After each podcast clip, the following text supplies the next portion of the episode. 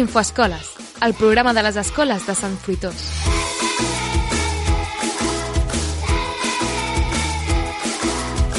Hola, benvinguts i benvingudes a l'Infoscoles de Ràdio Sant Fruitós, edició del mes de novembre de 2021. Un Infoscoles com cal, amb tot l'equip preparat per explicar-vos moltes coses. I quan parlo d'equip parlo d'un munt de persones, moltes, dels nens i nenes, nois i noies, mestres, professores, les treballadores i treballadors de les escoles i centres d'ensenyament que ja estan als seus llocs davant del micròfon amb ganes de parlar.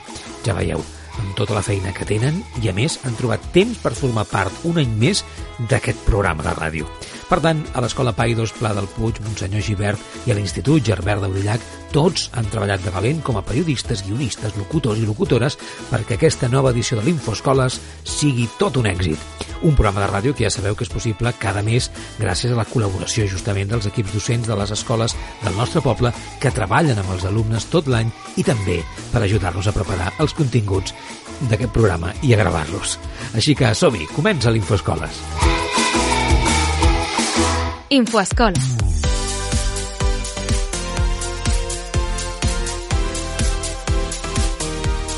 Aquest mes, les nenes i els nens de P4 de l'Escola Pla del Puig ens han demostrat com de bé que saben recitar, perquè, ja que som a la tardor, ens han fet un poema parlant d'aquesta estació.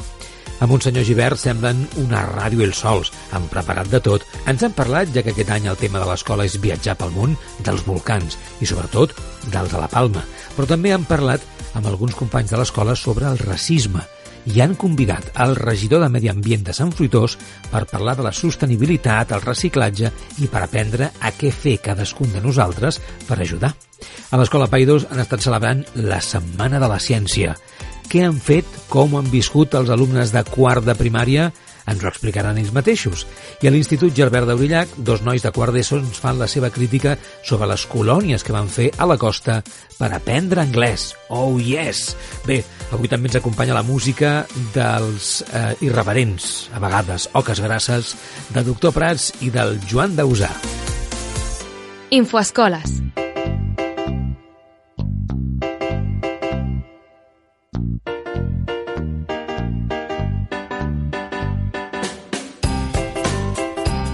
començar, avui ens fixem en com cauen les fulles, ben marrons i grogues i algunes vermelles, ja que estem a la tardor. I ho fem gràcies a la classe de P4 de l'Escola Pla del Puig, on tots i totes ens reciten aquest poema.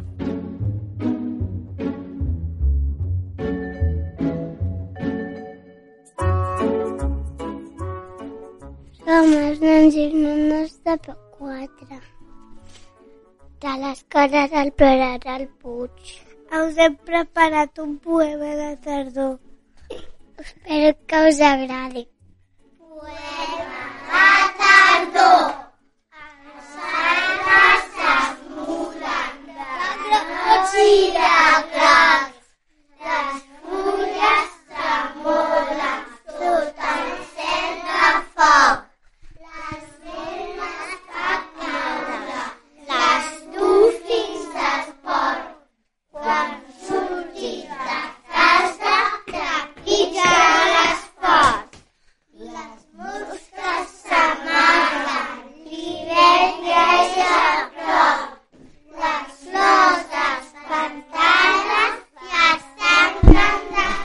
Infoescoles, el programa amb les veus més joves de Sant Fruitós. Una cançó per començar avui del darrer treball d'Oques Grasses, un disc titulat A tope amb la vida i una cançó que sembla que va pel mateix camí. Això es diu Fataro. Vull petar-ho davant del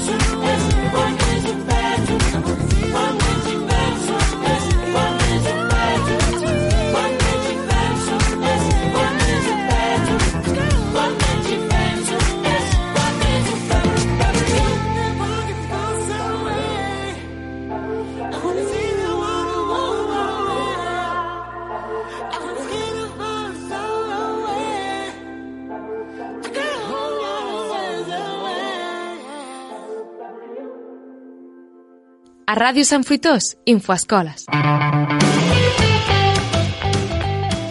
A l'escola Monsenyor Givert ens han preparat tres plats. Primer, un informe de la Xènia Alberg i l'Anaïs Astilleros sobre els volcans, aprofitant que a les Illes Canàries n'hi ha un que porta moltes setmanes escopint lava.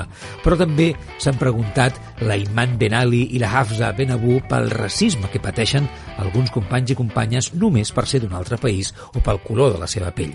I finalment, l'Izam Baena i el Gabriel Bertran han entrevistat el David Ruiz Roldán, el regidor de Medi Ambient de l'Ajuntament del nostre poble.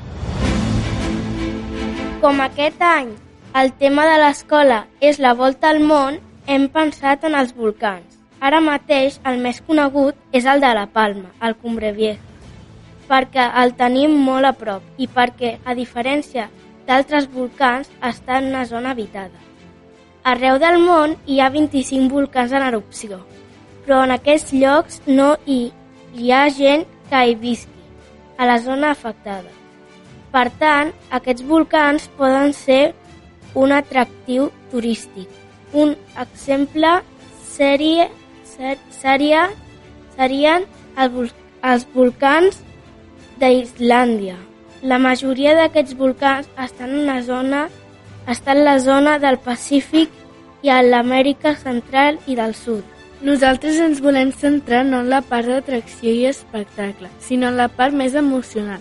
És a dir, com se senten les persones quan perden casa seva i tot el que hi ha dins.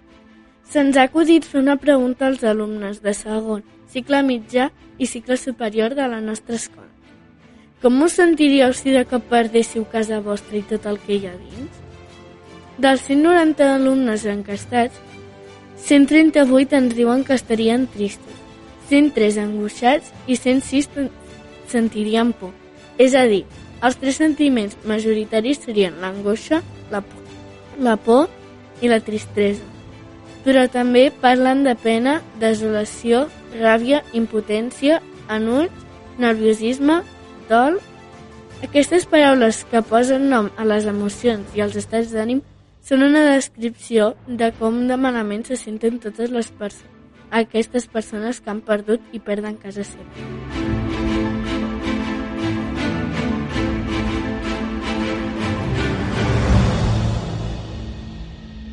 Infoescoles.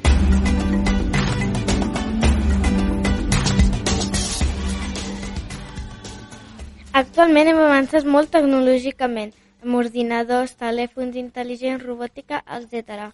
Però amb el respecte a les persones no hem avançat tant. Amb el fet d'acceptar totes les maneres de ser i de fer encara hem de recórrer molt camí. Encara hi ha conductes racistes. Hem de cuidar el llenguatge, la gestualitat, les actituds. Hi ha molts tipus de racisme pel to de pell, del, pel país, d'on ets, per la manera de vestir o de pensar, per la teva identitat sexual. Concretament, les nostres famílies madurament han passat alguns moments de conductes clarament racistes i això et fa sentir molt malament. Per exemple, quan dius el nom i ets d'un altre país, doncs no et volen ni jugar pisos o cases. De vegades, pel sol fet de ser d'un altre país o un, una altra cultura ja et parlen diferent, amb desconfiança. Tenim l'esperança que tot això vagi canviant i entre tots construïm una societat més justa i agradable per tothom. Hem volgut parlar amb alguns alumnes de l'escola. El Jonathan, alumne de quart, que la seva família és de la Rep República Dominicana. I la Xinja, alumna de sisè, que la seva família és xinesa. Bon dia. Alguna vegada us heu sentit discriminats? Sí, jo de vegades. Hi ha nens que quan et veuen amb uns trets diferents ja es, ja es fiquen amb tu, et molesten. Et diuen coses que fan referència a, a com ets físic, físicament. Eh, sí, perquè es fiquen amb el físic i amb el color de pell i, i pues, també fan bullying i t'insulten. Vosaltres com us sentiu quan no us tracten de la mateixa manera que els altres? Em sento trist i de vegades una mica sola, perquè no saps què fer perquè això no passi. Jo també sóc persona, així, tinc el mateix que ell, però diferent color de pell. Ah, I a vegades tinc tristesa i a vegades ràbia. Què els, diri... què, què els diríeu a les persones que tenen conductes racistes? Doncs els hi diria que pensi, pensin com se sentirien ells si anessin a un altre país i els discrimin, discriminessin o els par, parlessin malament.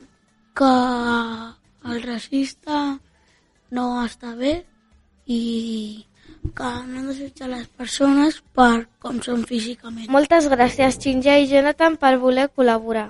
Infoescoles, el programa amb les veus més joves de Sant Fruitós.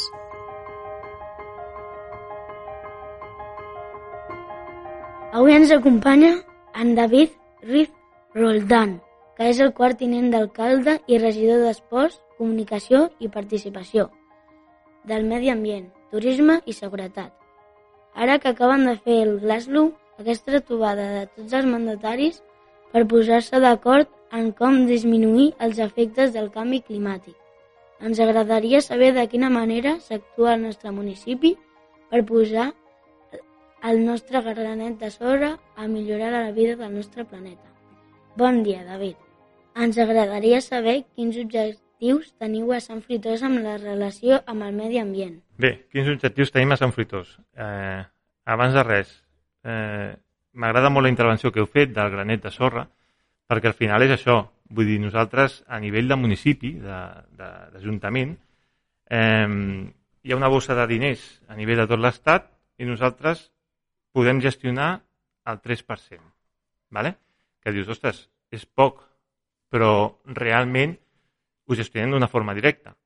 I és directe amb els ciutadans, vull dir, directament amb la gent del poble. Aleshores, és un granet de sorra petit, però jo crec que és molt important. Aleshores, quins objectius tenim aquí a Sant Fruitós? Doncs això, aportar el nostre granet de sorra, sobretot des de casa nostra, és a dir, una miqueta amb la pedagogia que tenim eh, de, què puc fer jo com a persona per millorar el món? Què puc fer jo pel medi ambient cada cop que em llevo, fins que me'n vaig a dormir? Quines són les accions que puc fer per millorar el meu poble d'una forma directa? Llavors nosaltres anem enfocats cap a aquests objectius. És a dir, fer molta pedagogia. M'agrada molt que hagueu decidit de fer-me aquesta entrevista perquè realment un dels objectius que tenim, jo fa un any, un any escaig que sóc regidor, fa poquet temps que hi sóc, i el que m'he trobat ha sigut pues, una agenda pues, a nivell global. Nosaltres estem en un, en un acord de majors d'alcaldes i alcaldesses de tot el món amb una sèrie de pautes i objectius que sempre són a futur. Lo interessant és parlar de coses al present, perquè si no parlem i fem coses en el present, doncs no aconseguirem res. I un dels principals objectius és arribar a les escoles, arribar a gent com vosaltres, perquè vosaltres sou un factor super important i, a més a més, sereu els que a lo millor patiu més les conseqüències de que nosaltres no haguem fet les coses bé, com portem més de 100 anys sense fer-les bé. Llavors, el principal objectiu de Sant Fritós a nivell de poble és, amb aquest 3% només de diners que tenim, fer molta pedagogia i implicar-vos a vosaltres en que quan us lleveu pel matí digueu ostres, què puc fer jo perquè d'aquí 50 anys hi hagi planeta? A Sant Fritós es fa bé el reciclatge? A veure, a Sant Fritós es va, fer, es va fer el reciclatge. Doncs això passa com tota la vida. Hi ha moltes persones que ho fan molt bé, d'acord? Segurament nosaltres com a municipi i com a ajuntament els hem de donar més eines. Vull dir, penseu que qualsevol problema que hi ha té dos vessants. La gent que pot fer coses i les administracions, tipus ajuntament, tipus estats, que han de posar eines. Llavors, al final és un problema de tots. Llavors, hi ha moltíssima gent a Sant Fruitós que recicla i recicla molt bé i altra gent que no ho fa tan bé. La nostra feina és posar les eines i decretar-ho i continuar fent això, continuar fent una pedagogia, és a dir, ensenyar a la gent que no ho fa bé, posar mitjans perquè aconseguim que ho faci bé. Quines dades hi ha Sant Fritós en la recollida selectiva? La recollida selectiva.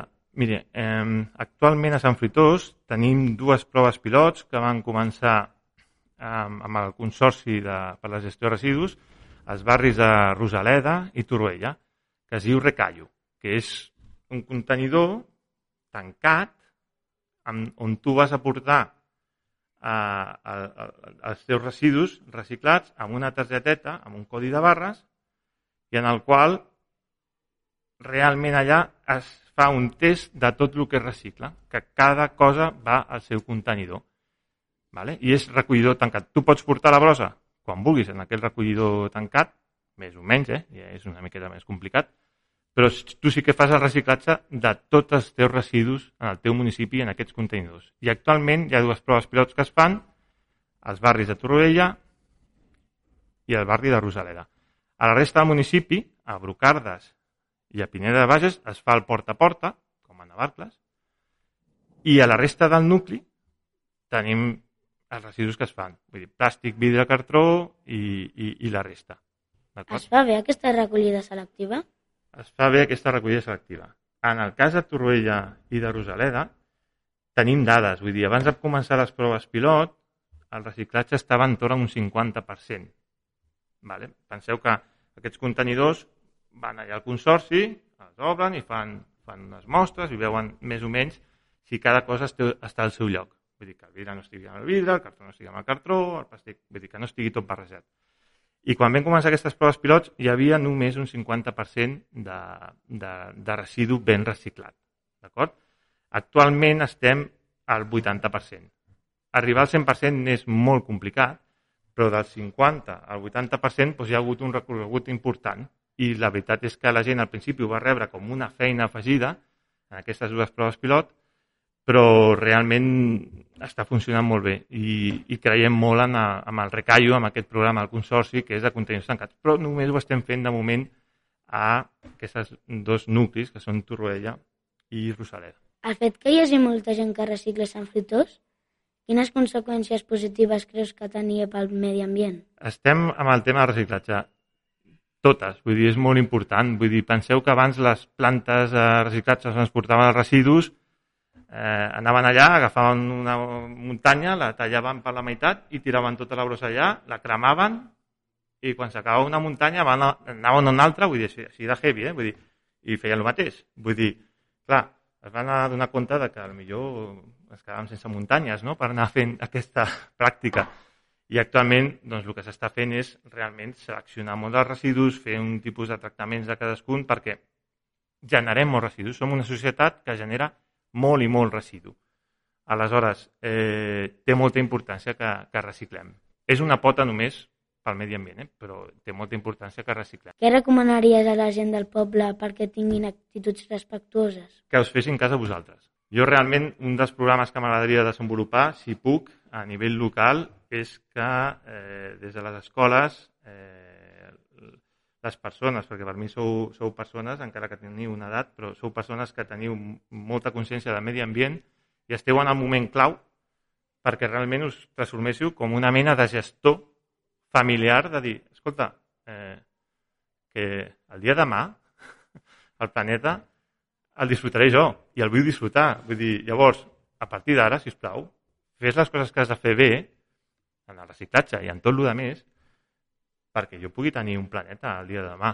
Aleshores, és, és superimportant la vostra figura, no sé com ho podrem articular perquè és una cosa complexa, però a mi m'agradaria molt, i conjuntament amb la tècnica de medi ambient, la Ruth Guerrero, ho hem, ho hem parlat moltes vegades, vull dir, tot el que no sigui sortir-se del que és l'agenda general i global, que, com deia la Greta l'altre dia, bla, bla, bla, bla, bla, bla, bla, bla, i no hi ha fets, tot el que no sigui sortir-se d'aquesta agenda i fer coses que tinguin força a nivell local i que realment impliquin a tots vosaltres, que us sembla que no, però creixereu i, i podreu tenir i gaudir del planeta, doncs no, no anirà enlloc, no anirà enlloc. Llavors, insisteixo, hi ha moltes persones que fan molt bé les coses, però per una sola que es fa malament, ho paguem tots.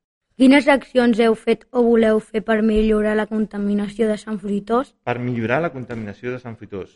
Eh, bueno, la, la contaminació de Fruitós, bueno, hem, tenim diversos projectes, a aquestes calderes eh, de biomassa eh, es poden ajudar, tot i que formen part d'un pla al qual, bueno, eh, a vegades això de les energies va una miqueta per, va en funció de la investigació del desenvolupament. És a dir, eh, avui dia es diu que aquestes energies són les eh, més biodegradables i són les que s'han de fer servir i després estudis demostren que hem d'anar cap a un altre camí, etc etc.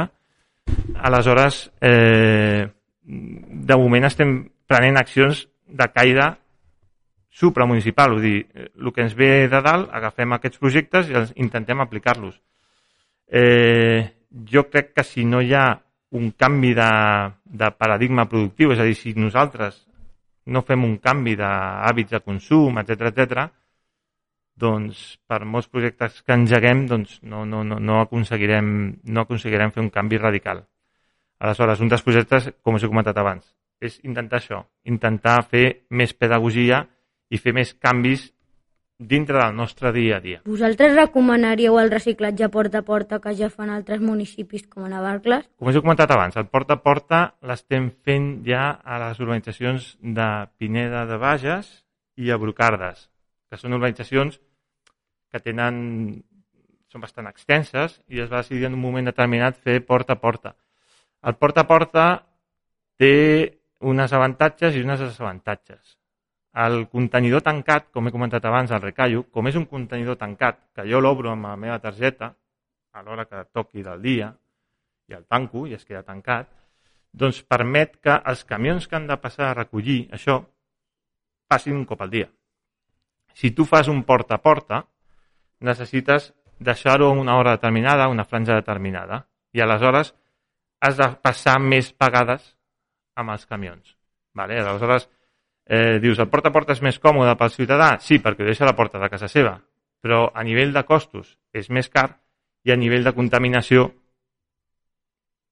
és més elevat també. Aleshores, el porta a porta eh, jo me'l crec bastant menys que el contenidor tancat per un tema de despeses i de contaminació. Aquesta caldera de biomassa que hi ha instal·lada a l'escola, com està estalviant diners a l'Ajuntament i com està col·laborant en menys emissions contaminants? la caldera de biomassa eh, té, té, té emissions que, com he comentat abans, eh, teòricament té emissions menys eh, nocives, a més a més és una energia biodegradable. Eh, realment és una tecnologia que un cop la implantes és cara, quan, la implantes és cara al principi, però al llarg del temps la vas amortitzant, entenem amortitzar, no? que és, no? vull dir, em compro un cotxe i, i el vaig pagant a poc a poc, no? pues, la caldera un cop estigui amortitzada, és a dir, quan he fet la inversió inicial i ja la tinc pagada, llavors començaré a notar a l'estalvi real. Però al principi, doncs, estalvi, estalvi no ha generat, però en generarà. Com es podrien conscienciar els joves de que no contaminin i que reciclin? Com conscienciar els joves que no contaminin i reciclin? Eh, en pedagogia i amb molta informació. Vull dir, al final ens manca informació. Vivim en una societat en la qual eh, estem sotmesos a consumir coses contínuament, quan el que podem consumir és altres experiències, amics, moments, diversió, que no necessàriament han de ser coses.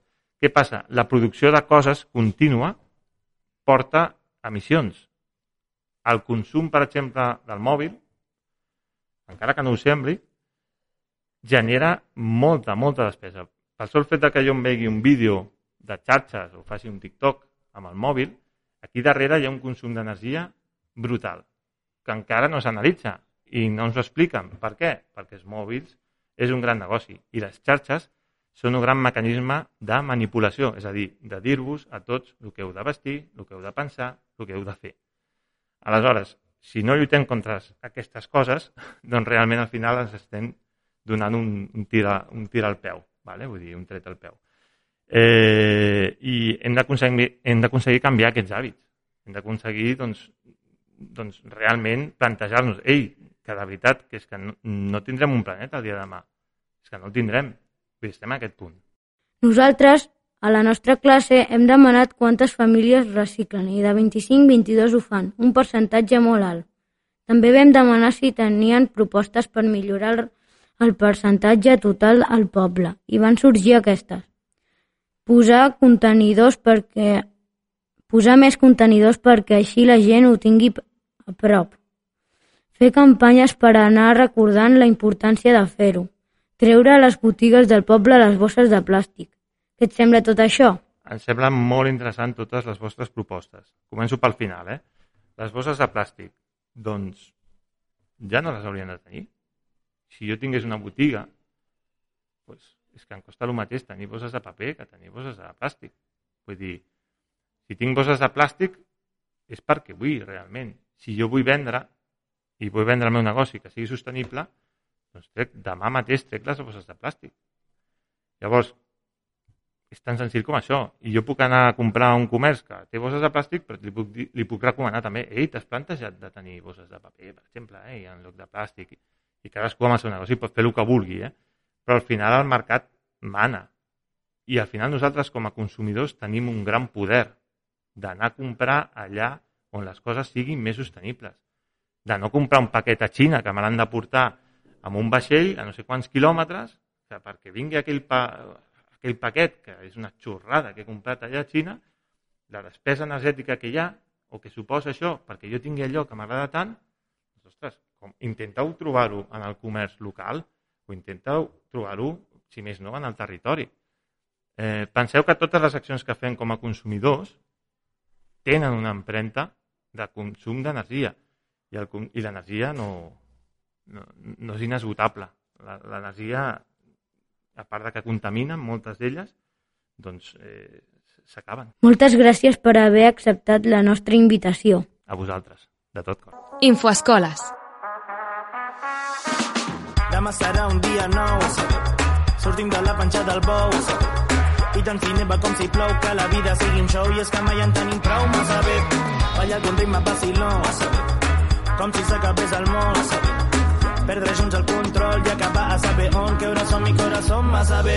Quedant-ho dia sí, dia també, veure sortir el sol, sortir al carrer, deixar que el vent se'ns emporti lluny de la tristesa, viure cada moment com el primer caminar descalç per cada gel, tot em sembla visc amb tu, massa bé, massa bé.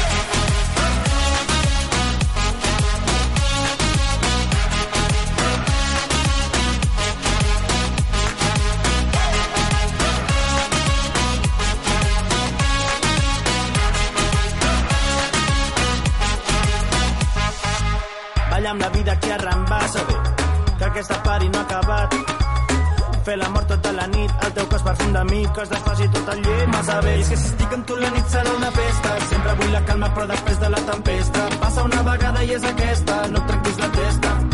Fem real cada conquesta. Quedant-ho dia sí, dia també, veure sortir el sol, sortir al carrer, deixar que el vent se'ns emporti lluny de la tristesa, viure cada moment sembla si visc amb tu, massa bé, massa bé.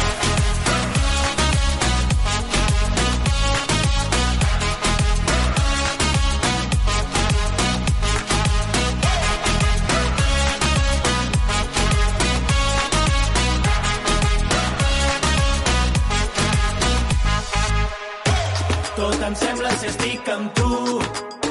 Oh, oh, oh, oh. Tot em sembla si ho visc amb tu. Ver. Tot em sembla si estic amb tu.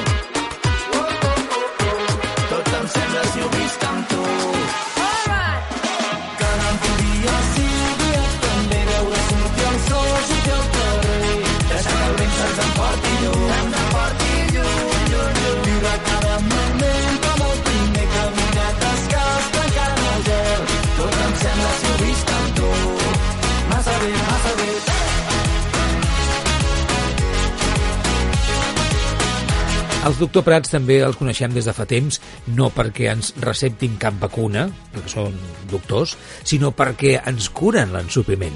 Aquesta cançó ha estat un dels èxits en català d'aquest passat estiu. Massa bé.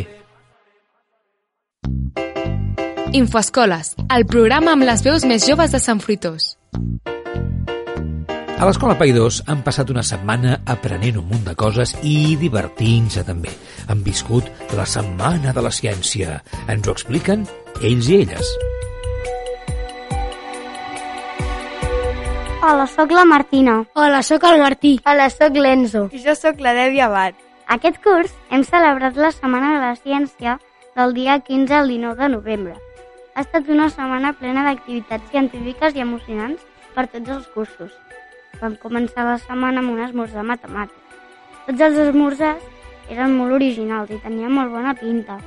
Alguns d'ells tenien relació amb el 50è aniversari de l'escola. Els altres dies, cada curs i etapa va celebrar el, seu Dia de la Ciència, realitzant diferents activitats. Nosaltres, cicle mitjà, vam celebrar el Dia de la Ciència el dijous. Vam començar el dia disfressats de científics i científiques. Durant tot el dia vam fer activitats relacionades amb ciències. Vam fer un escape room, enigmes matemàtics i ens vam convertir en científics. En l'escape room vam ajudar a atrapar a unes científiques cinc virus que s'havien escapat. Per culpa d'aquests virus, elles estaven confinades i nosaltres els havíem d'atrapar per tal que no s'haguessin de confinar més. Durant tot l'escape room havien de resoldre proves científiques i matemàtiques. També vam resoldre enigmes matemàtics. El sistema informàtic de l'escola es va saturar i va necessitar la nostra ajuda per tornar a la normalitat. Vam desbloquejar tots els codis i, per sort, el sistema informàtic va tornar a funcionar correctament. Per últim, vam fer un show científic en grup. Cada equip va preparar un experiment. Una setmana abans vam apuntar els ingredients que necessitàvem. Vam llegir les instruccions i a casa el vam preparar pel dia de la ciència a poder-lo realitzar. Va ser un dia ple d'emocions científiques i ens ho vam passar molt bé. I un altre tema, en aquest cas una cançó que trobem dins l'àlbum Ho tenim tot del Joan Dausà.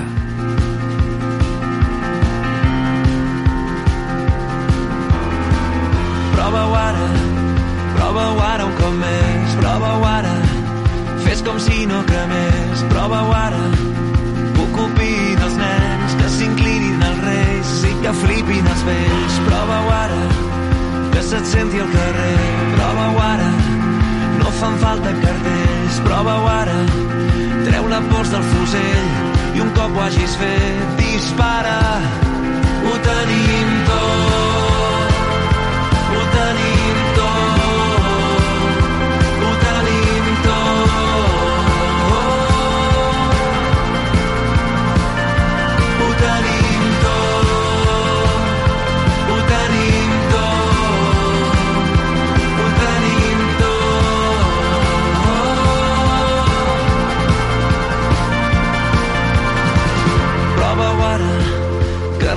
el secret, prova-ho ara, no pateixis per ells, prova-ho ara, crida i salta del tren i torna a fer un cop més per si demà ja no hi ets. Prova-ho ara, corre cama a través, prova-ho ara, balla com si plogués, prova-ho ara, enterra el dolor i un cop ho hagis fet, dispara, ho tenim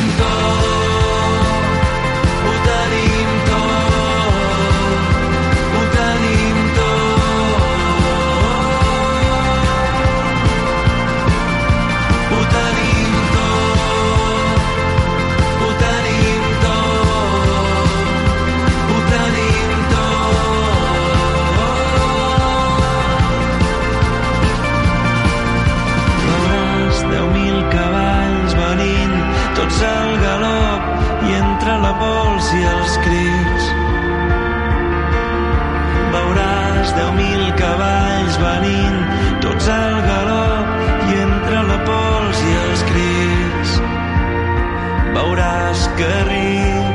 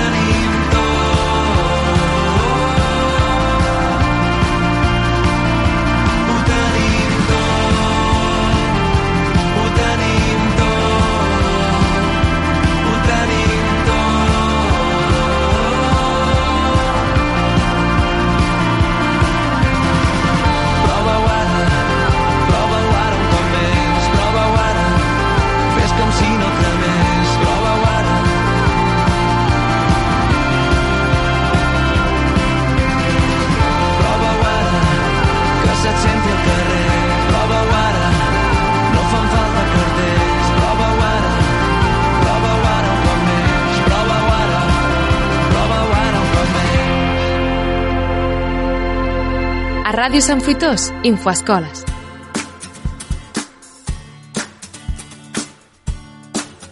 I l'última parada d'avui és a l'Institut de Sant Fruitós, on dos nois de quart d'ESO ens fan la seva crítica, com si fossin periodistes de viatges, de les seves colònies aprenent anglès al costat de la platja.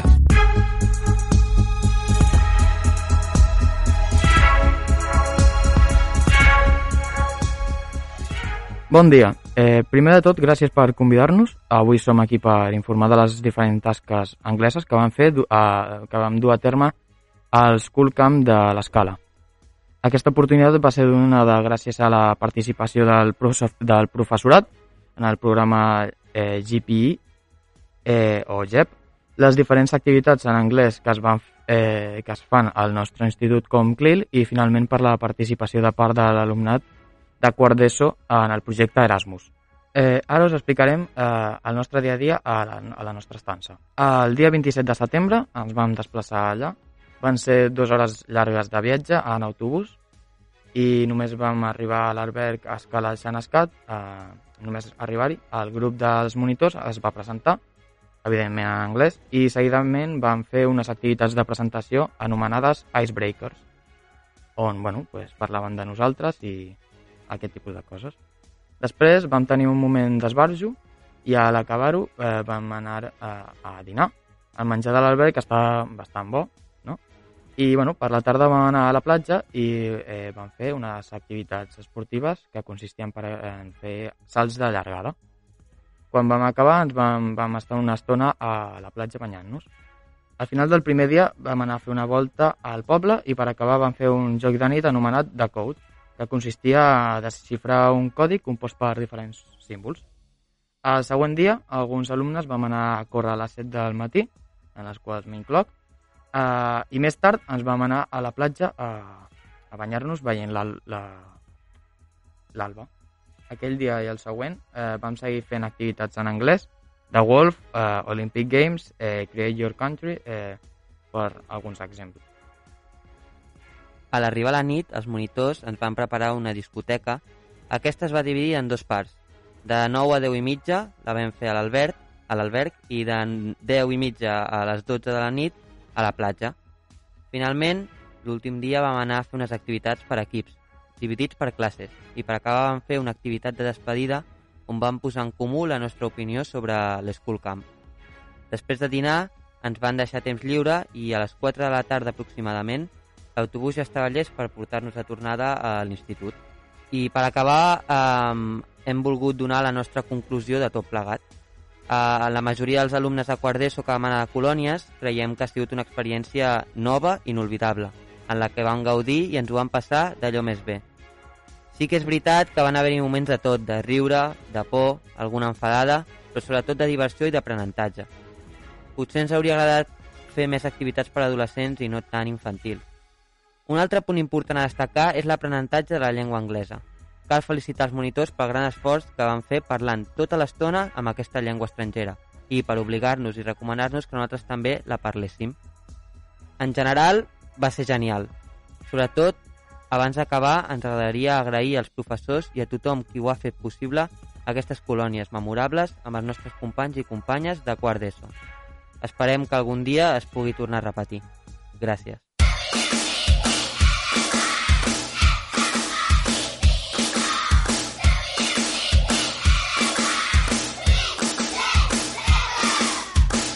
Acabem aquí l'edició del mes de novembre de l'Infoscoles de Ràdio Sant Fruitós. Gràcies a tots els nois i noies que han participat. Aquest programa el podreu escoltar també a la plataforma iVox, des d'on a més us el podreu descarregar. L'últim dissabte del proper mes de desembre repetim. Adeu.